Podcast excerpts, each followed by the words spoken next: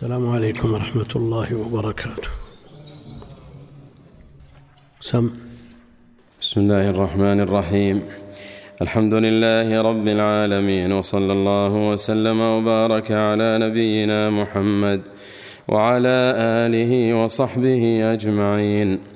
قال الإمام المجدد رحمه الله تعالى باب ما جاء في التنجيم. قال البخاري في صحيحه قال قتادة خلق الله هذه النجوم لثلاث زينة للسماء ورجوما للشياطين وعلامات يهتدى بها. فمن تأول فيها غير ذلك أخطأ وأضاع نصيبه وتكلف ما لا علم له به. انتهى. وكره قتادة تعلم منازل القمر ولم يرخ. صلى تعلم وكره قتادة تعلم منازل القمر ولم يرخص ابن عيينة فيه ذكره حرب عنهما. ورخص في تعلم المنازل أحمد وإسحاق. وعن أبي موسى قال قال رسول الله صلى الله عليه وسلم ثلاثة لا يدخلون الجنة مدمن الخمر وقاطع الرحم ومصدق بالسحر. رواه أحمد وابن حبان في صحيحه. فيه مسائل الأولى الحكمة في خلق النجوم الثانية الرد على من زعم غير ذلك الثالثة ذكر الخلاف في تعلم المنازل. الرابعة الوعيد في من صدق بشيء من السحر ولو عرف أنه باطل. الحمد لله رب العالمين صلى الله وسلم وبارك على عبده ورسوله نبينا محمد وعلى آله وأصحابه أجمعين. أما بعد فيقول الإمام المجدد محمد بن عبد الوهاب رحمه الله في كتاب التوحيد باب ما جاء في التنجيم. التنجيم مصدر نجم مضاعف تنجيما مثل كلم تكليما. والتنجيم يراد به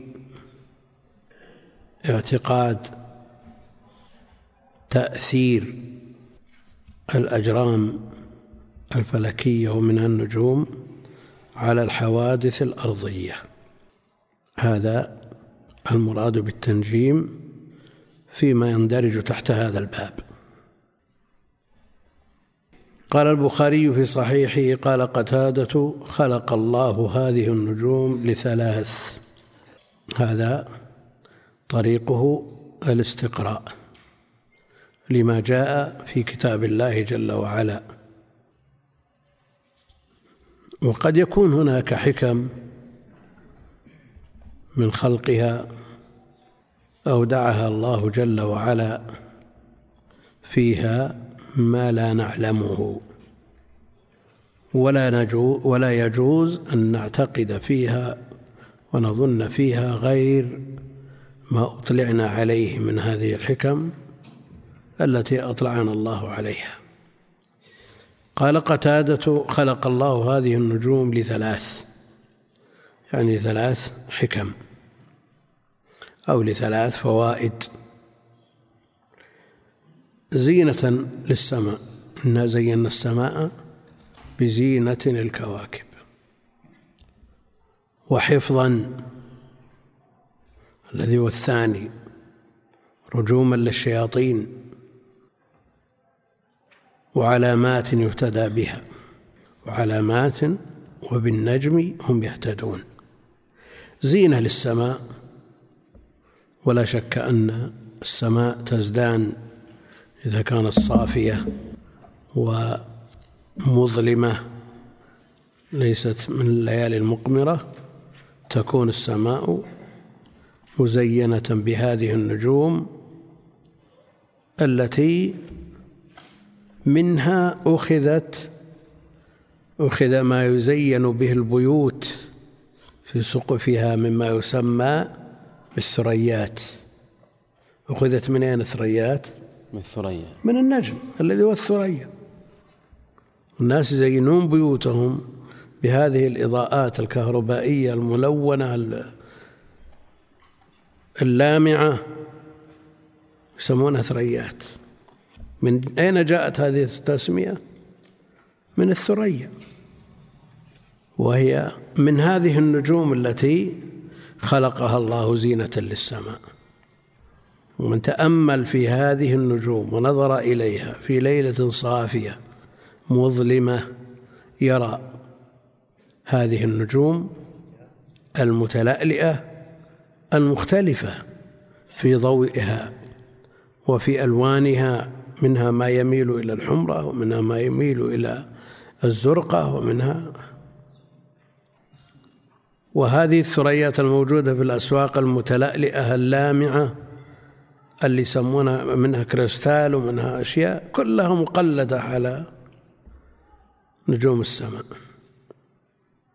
وإذا أرادوا أن يمدحوا شخصا بلمعانه وتفوقه في أمر من الأمور قالوا فلان نجم. فلان نجم. يدل على هذه النجوم زينة. كما قال الله جل وعلا إنا زينا السماء الدنيا بزينة الكواكب. وحفظا من كل شيطان مارد. ثانية رجوما للشياطين. كان الشياطين والمراد بهم شياطين الجن. لأن شياطين الإنس لا يستطيعون الوصول إلى ما يصل إليه شياطين الجن. إلى ما يصل إليه شياطين الجن. فكانوا كما قالوا كما وصف سفيان تراكب الشياطين فوق بعض بكفه. يطلع بعضهم فوق بعض حتى يصلوا إلى ما يقرب من السماء الدنيا فيسترقون السمع. وهذا قبل بعثته عليه الصلاة والسلام كثير جدا.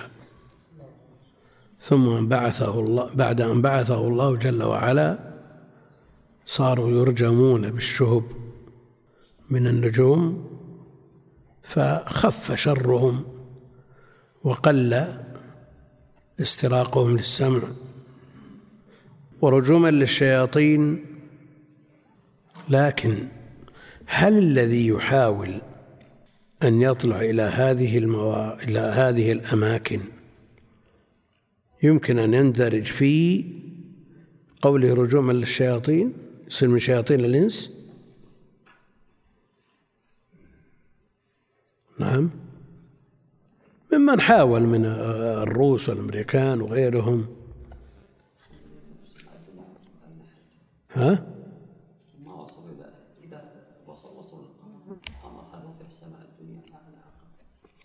لا لا ما هو ما هو في السماء الدنيا.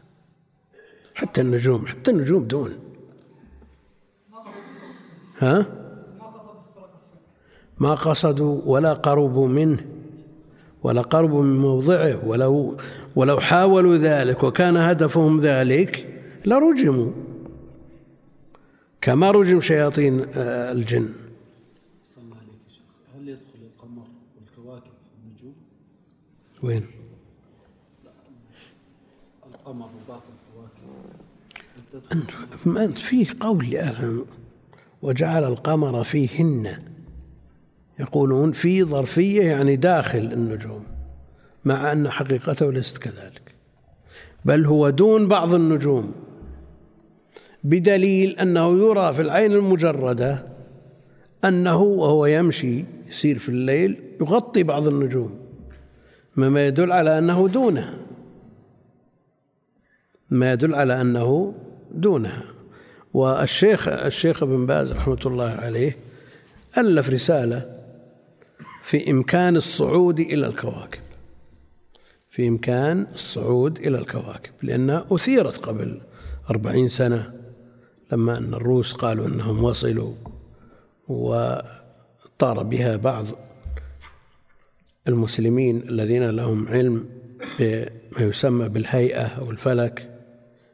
وصارت ضجة يعني بعض المشايخ وبعض طلاب العلم رأوا أن هذه جعل القمر فيهن نورا والشيخ الشنقيطي له كلام في المسألة جعلوا أنها من المستحيلات لأنها داخل السماء والسماء محفوظة.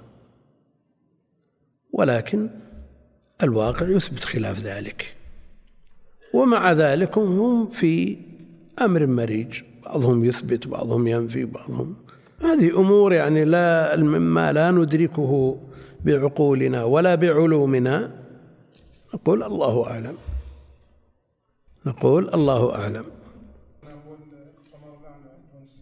دون السماء. زيناها بمصابيح لكن المصابيح يلزم أن تكون لاصقة. ما يلزم أن تكون لاصقة. ها؟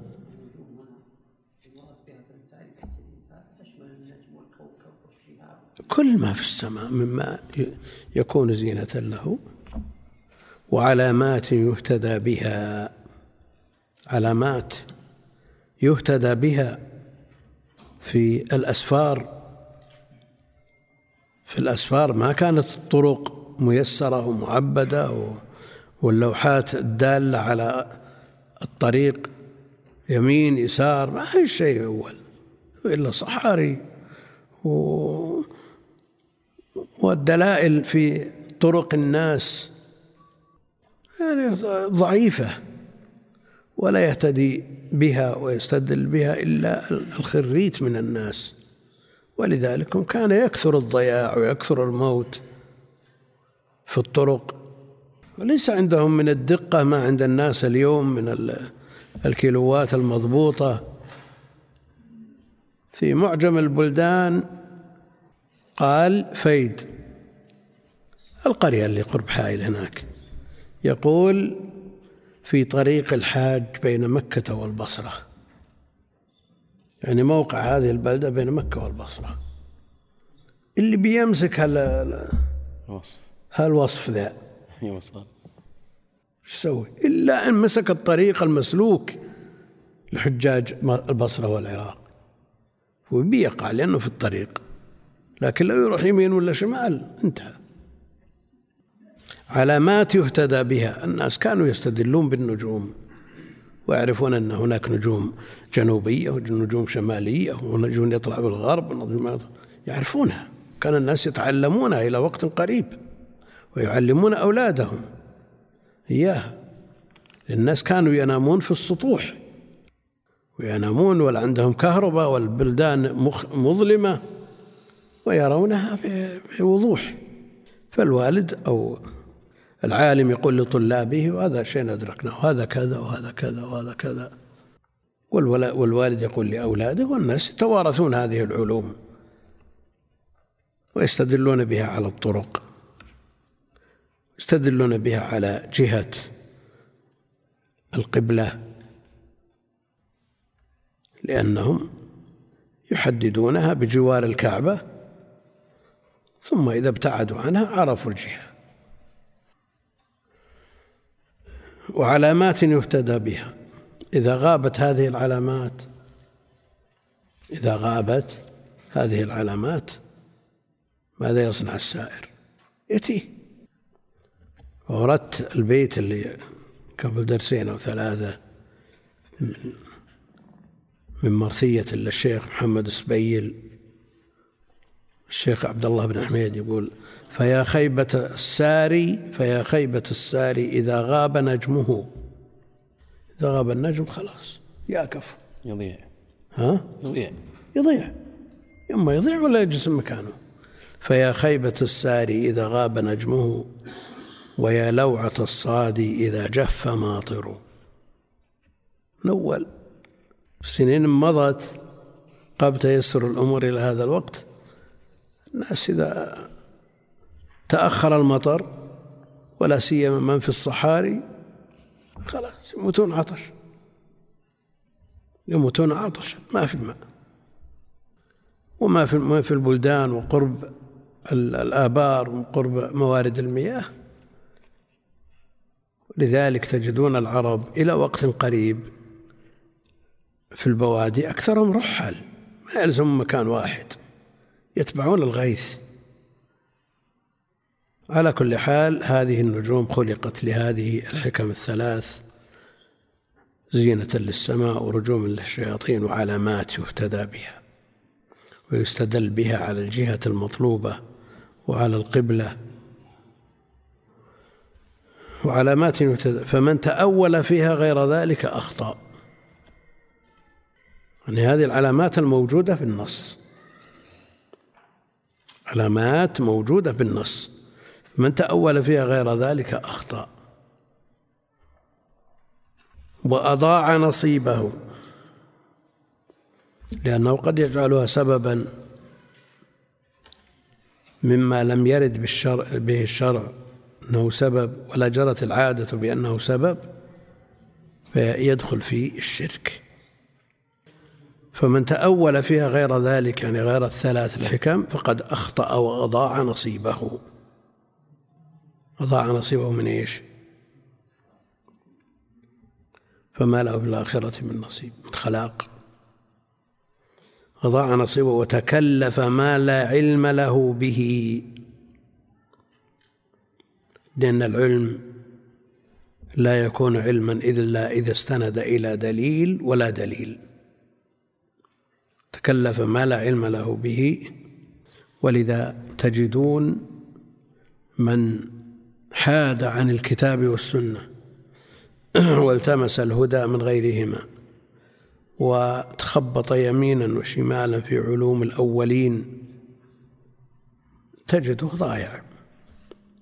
وذكر الآلوسي في تفسيره عن الرازي وعن ابن عربي أشياء تتعلق بالأفلاك والكواكب. يعني ما نسبه إلى ابن عربي هذا شرك أكبر ما في إشكال. وأنه وصل به الحد إلى أنه يخاطب الكعبة فتدنو منه. يصير؟ ها؟ لما جاور بمكة. وأنها تزور فلان وتزور فلان ويخاطب النجوم نحمد الله على الاعتصام بالكتاب والسنة هو المنجاة. والرازي له السر المكتوم في مخاطبة النجوم ويذكر أنه تاب منه ومنهم بعض ومنهم من ينفي نسبته إليه. وعلى كل حال الدخول في هذه الأبواب لا شك أنه خطر عظيم. ولا فائدة فيه غير هذه الثلاث الفوائد. ما في غير لا تدور شيء. فمن تأول فيها غير ذلك أخطأ وأضاع نصيبه وتكلف ما لا علم له به انتهى. هذا عند البخاري. معلقا وصله غيره. وكره قتادة تعلم منازل القمر القمر له منازل. كم؟ ثمان وعشرين. له منازل كل ليلة ينزل في منزل ولا يرى ليلتين إلى التاسع والثلاثين التاسع والعشرين والثلاثين. هذه المنازل معروفة عند العرب ومذكورة في الدواوين والكتب واختلف في تعلمها. اختلف في تعلمها كره قتادة تعلم منازل القمر. ومعلوم أن قتادة من السلف الذين يغلب إطلاقهم الكراهة على التحريم ولم يرخص ابن عيينة فيه. فالمنع مذهب قتادة وابن عيينة سفيان. ذكروا حرب عنهما حرب الكرماني له مسائل عن أهل العلم وله مسائل كثيرة عن الإمام أحمد وإسحاق وعن جمع من السلف. ورخص وهذا القول الثاني ورخص في تعلم المنازل أحمد وإسحاق لأنها يمكن تعلمها لأنها يمكن تعلمها ولا يترتب على تعلمها شيء ما يترتب عليه شيء مخل فهو أمر مدرك ولا وليس بغيبي وليس من ادعاء علم الغيب ولذا رخص فيه الإمام أحمد وإسحاق ها؟ شلون؟ يعني تبي تربط الكلام الثاني بالأول؟ ها؟ لا هو فيه شيء ترى من مزلة القدم لأن الإنسان قد يسترسل وقد يستغرق في البحث والكتب التي بحثت من كتب الأولين في هذه الأمور فيها أشياء. فيخشى على الإنسان أن أن يظن في أول الأمر ثم يعتقد أن لها تأثيرا من كثرة النظر في كتب القوم.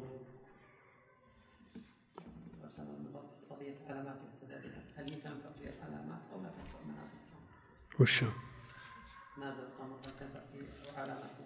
هو يتكلم عن النجوم هناك. علامات ويستدل أيضا بالشمس على على موضع على القبلة في النهار. على كل حال من يستدل بها على أمر مشروع ويتعلم من أجل الاستدلال بها على أمر مشروع فتعلمه مشروع. ومن تكلف فيها أمورا ليست مشروعة فتعلمها غير مشروع ها؟ كرهه. لأن هذا قد يجره إلى غيره. قد يجر إلى غيره. لأن إدامة النظر مع أنها محل اعتبار وتفكر وتفكر في خلق السماوات والأرض وما فيهما ويستفاد منها من هذه الحيثية لكن بعض الناس قد ينجرف إلى ما يقال وينقل عن الأولين ممن يزعمون التأثير فيقع في المحظور. فهو يريد أن يحسم المادة.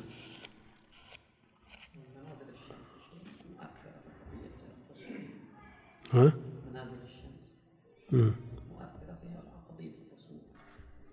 فصول. يعني من يتعلم لمعرفة فصول السنة؟ ومتى يدخل كذا ويدخل السهيل طاب الليل وإذا طلع الثريا ومنت العاهة. يعني هذه معرفة هذه الأوقات التي جرت العادة الإلهية فيها بأن وقت كذا وقت زراعة كذا وقت دخول البرد دخول الرياح ودخول ما في شيء. نعم؟ لكن الاسترسال في هذه الأمور قد يؤثر على بعض الناس. ثم قال رحمه الله عن أبي موسى قال قال رسول الله صلى الله عليه وسلم ثلاثة لا يدخلون الجنة. وعن أبي موسى قال قال رسول الله صلى الله عليه وسلم ثلاثة لا يدخلون الجنة. مدمن الخمر المكثر من شربه نسأل الله العافية. الخمر حرام بالإجماع. وكبيرة من الكبائر ورتب عليه العقوبة في الدنيا والوعيد الشديد في الآخرة. إذا شربه ولو مرة ولم يتب. وإذا كان مدمنا له ومعتادا له مكثرا من شربه صار الأمر أشد.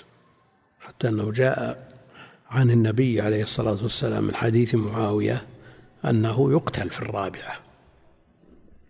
أنه يقتل في الرابعة. والشيخ أحمد شاكر رسالة اسمها كلمة الفصل في قتل مدمن الخمر. والمسألة عند أهل العلم خلافية. منهم من يقول أن الحديث منسوخ؟ حديث معاوية. والترمذي يقول ليس في كتاب مما أجمع على تركه على ترك العمل به إلا حديثان. هذا الحديث وحديث جمع بالمدينة من غير خوف ولا مطر. هذان الحديثان الترمذي قال ليس في حديث في كتابي مما أجمع على على ترك العمل به سوى هذين الحديثين. قال ذلك في علل الجامع التي بآخر جامعه وأضيف عليها من قبل الشراح حتى وصلت إلى العشرين. منهم من يقول أنه حد الذي يقول منسوخ والجمهور يقول خلاص لا يعمل به ويكتفى بالحد. على الخلاف بينهم في الثمانين والأربعين. ومنهم من يقول أنه حد ويقتل في الرابعة. ويقتل في الرابعة. ومنهم من يقول إنه تعزير وليس بحد. إذا رأى الإمام أن الناس تتابعوا على شرب الخمر ولم يردعهم الحد بالجلد له أن يقتل. شيخ الإسلام وابن القيم يميلان إلى هذا القول. فمدمن الخمر هذه عقوبته في الدنيا و في في حديث أبي موسى ثلاثة لا يدخلون الجنة منهم مدمن الخمر. ولا يدخلون الجنة هذا من نصوص الوعيد التي قال بعض السلف أنها تمر كما جاءت كما جاءت. ومنهم من حمله على المستحل ومنهم من قال لا يدخلون الجنة من أو من أول وهلة بل يعذبون إن لم يعفو الله الله عنهم. وعلى كل حال الوعيد شديد. ثلاثة لا يدخلون الجنة مدمن الخمر وقاطع الرحم. قاطع الرحم التي تجب صلتها من الأقارب بدءا بالبر الذي هو بر الوالدين والصلة التي تجب صلتها في الأرحام والذين هم الأقارب. وترجم الإمام المسلم رحمه الله في صحيحه باب البر والصلة والآداب. باب البر والصلة والآداب. فالبر للوالدين والصلة للأقارب والآداب مع عموم المسلمين. وقاطع الرحم قاطع الرحم قطيعة الرحم جاء جاء فيها النصوص نصوص الوعيد الشديدة. فهل عسيتم؟ توليتم أن تفسدوا في الأرض وتقطعوا أرحامكم؟ أولئك الذين لعنهم الله. أولئك الذين لعنهم الله. فقطيعة الرحم ولا تنزل الجنة على قوم فيهم قاطع رحم. وعلى كل حال الثلاثة من عظائم الأمور كلها من الكبائر ومصدق بالسحر وهذا أشدها. مصدق بالسحر قد يقول قائل وش المناسبة للحديث إلى التنجيم؟ لأن التنجيم نوع من السحر وسبق الحديث من اقتبس شعبة من النجوم فقد اقتبس شعبة من السحر. زاد ما زاد كما تقدم. رواه أحمد وابن حبان في صحيحه. يقول رحمه الله فيه مسائل. فيه مسائل. الأولى الحكمة في خلق النجوم. الحكمة في خلق النجوم.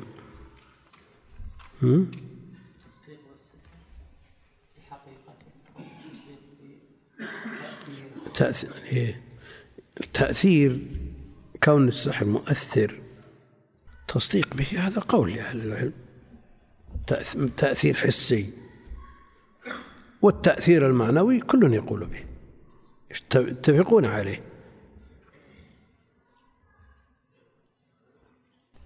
ومصدق بالسحر ومنه النجوم كما تقدم في الحديث من اقتبس شعبة من النجوم قد اقتبس شعبة من السحر. زاد ما ما زاد. رواه أحمد بن حبان في صحيحه قال رحمه الله في مسائل الحكمة في خلق النجوم يعني الحكم الثلاث التي جاءت في كلام قتادة وهذه تقدم الكلام فيها. الثانية الرد على من زعم غير ذلك. وجاءت الإشارة إلى هذا في كلام قتادة أيضا. ذكر الخلاف في تعلم النجوم. فالمنع من قبل قتادة وابن عيينة. والإباحة لأحمد وإسحاق. الرابعة الوعيد في من صدق بشيء من السحر. ولو عرف أنه باطل. صدق بشيء من السحر ولو عرف أنه باطل. قد يكذب وهو يراه مطابقا للواقع. فيكذب لأنه لو سأل كاهن أو عراف ثم رأى كلامه مطابقا للواقع لا يجوز تصديقه. فإن صدقه فقد كفر بما أنزل على محمد. وهذا كذبه وهو مطابق للواقع. من صدقه وهو يعرف أنه باطل. هذا الأمر يكون أشد. أشد. ولذلك الشيخ ولو عرف أنه باطل. كأن الأسلوب في هذه المسألة الوعيد في من صدق بشيء من السحر ولو عرف أنه باطل. دلالة الأسلوب على من كلام الشيخ؟ أنها خاف ها؟ أنها خاف ها؟ إن كان يعني كلام الساحر حق يعني مطابق للواقع. إذا كان مطابق للواقع مثل ما ذكرنا في قصة لشخص حافظ للقرآن وإمام جامع. تزوج فدخلت عليه امرأة وطيبته من طيب معها فأراد الزوجة وعجز عنها في اليوم الثاني والثالث والسابع عجز فذهب إلى ساحر. نسأل الله العافية. وقال له هذا شيء لا أستطيعه اذهب إلى فلان بالعراق. فذهب إلى فلان وقال له أعطني طاقيتك. وأتني غدا. أعطاه إياه وجاء من الغد قال ما أستطيع. عجزت. اذهب إلى فلان بالبحرين. وذهب إلى فلان بالبحرين وشرح له الحال. ما ما فصل له. قال أنا دخلت على امرأة ومنعت منها. قال معلوم أنك دخلت في المكان الفلاني من امرأة اسمها هكذا ودخلت عليكم امرأة صفتها هكذا. وصفها بدقة. وطيبتكم بطيب من هذه القارورة. وبإحراج. لأن غشيان هذه المواقع. فتنة. فما كان منه إلا أن قال صدقت. صلى الله العافية واستدل بالحديث. صدقت لأن الرسول صلى الله عليه وسلم يقول من أتى كائنا فصدقه بما يقول فقد كفر بما أنزل على محمد. شوف الفتنة والذهاب إلى هذه المواضع مزلة قدم. الآن ذهب إليه حافظ القرآن وخطيب جامع وقال له ما قال لأنه أطلعه على شيء يصعب إنكاره إلا بعصمة إلهية.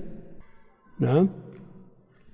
مثل هذه الأمور يعني إذا أحيانا بعض الأمور الواقعية تفرض نفسها على الإنسان ولذلك يقولون أن الخبر القطعي الذي لا يمكن تكذيبه ومنه ما يدرك بالحواس وهذا أدركه بحاسته لكن الشرع يأمرك بتكذيبه. أولا يأمرك ألا تأتي إليه. ولو ذهبت إليه وسألته من غير تصديق لم تقبل لك صلاة أربعين يوم. وإذا صدقته فقد كفر بما أنزل على محمد.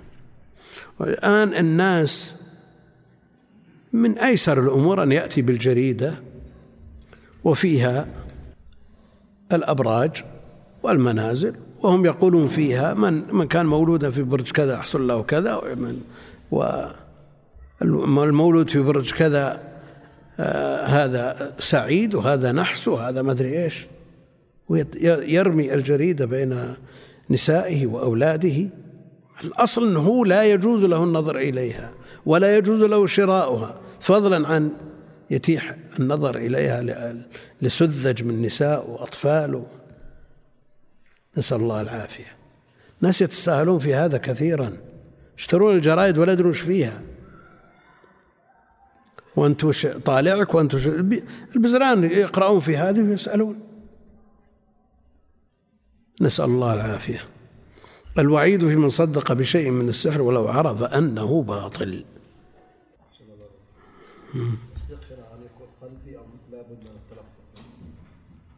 لا القلب اعتقاد هذا.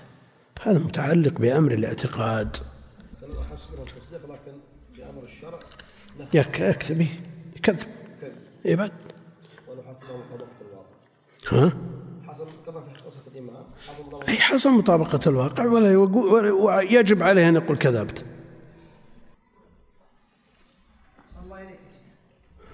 تفضل.